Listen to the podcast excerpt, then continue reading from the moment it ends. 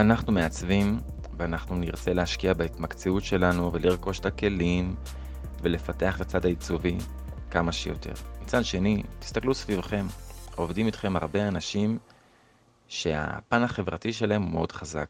מנהלי לקוחות, סמנכ"לי לקוחות, תקציבאים, מנהלים, לקוחות עצמם.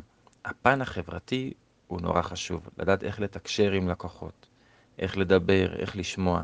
יש ספר נהדר, יותר מעולם של המכירות, אבל גם באופן כללי לכל האנושות זה לא היה מזיק, או אפילו היה עוזר הרבה.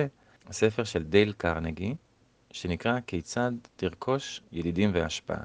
כדאי מאוד לקרוא אותו, וכל שנה לקרוא אותו שוב, או לדפדף בו קצת. ספר שנותן המון דגשים, המון דגשים חשובים איך לשוחח עם אנשים, איך לדבר עם אנשים, איך לפתח שיחה, ברמה הכי בסיסית. ואנחנו, כנותני שירות, במיוחד כפרילנסרים, אנחנו מתקשרים הרבה עם לקוחות ומדברים, ויש דברים קטנים, ניואנסים מאוד קטנים וקלים שאפשר לעשות, שזה יהיה פשוט נהדר. וגם כשאנחנו שכירים, עדיין, אנחנו מדברים עם אנשי צוות. התקשורת היא פן מאוד חשוב מהעבודה שלנו. אנחנו יוצרים קשר עם אנשים באופן יומיומי.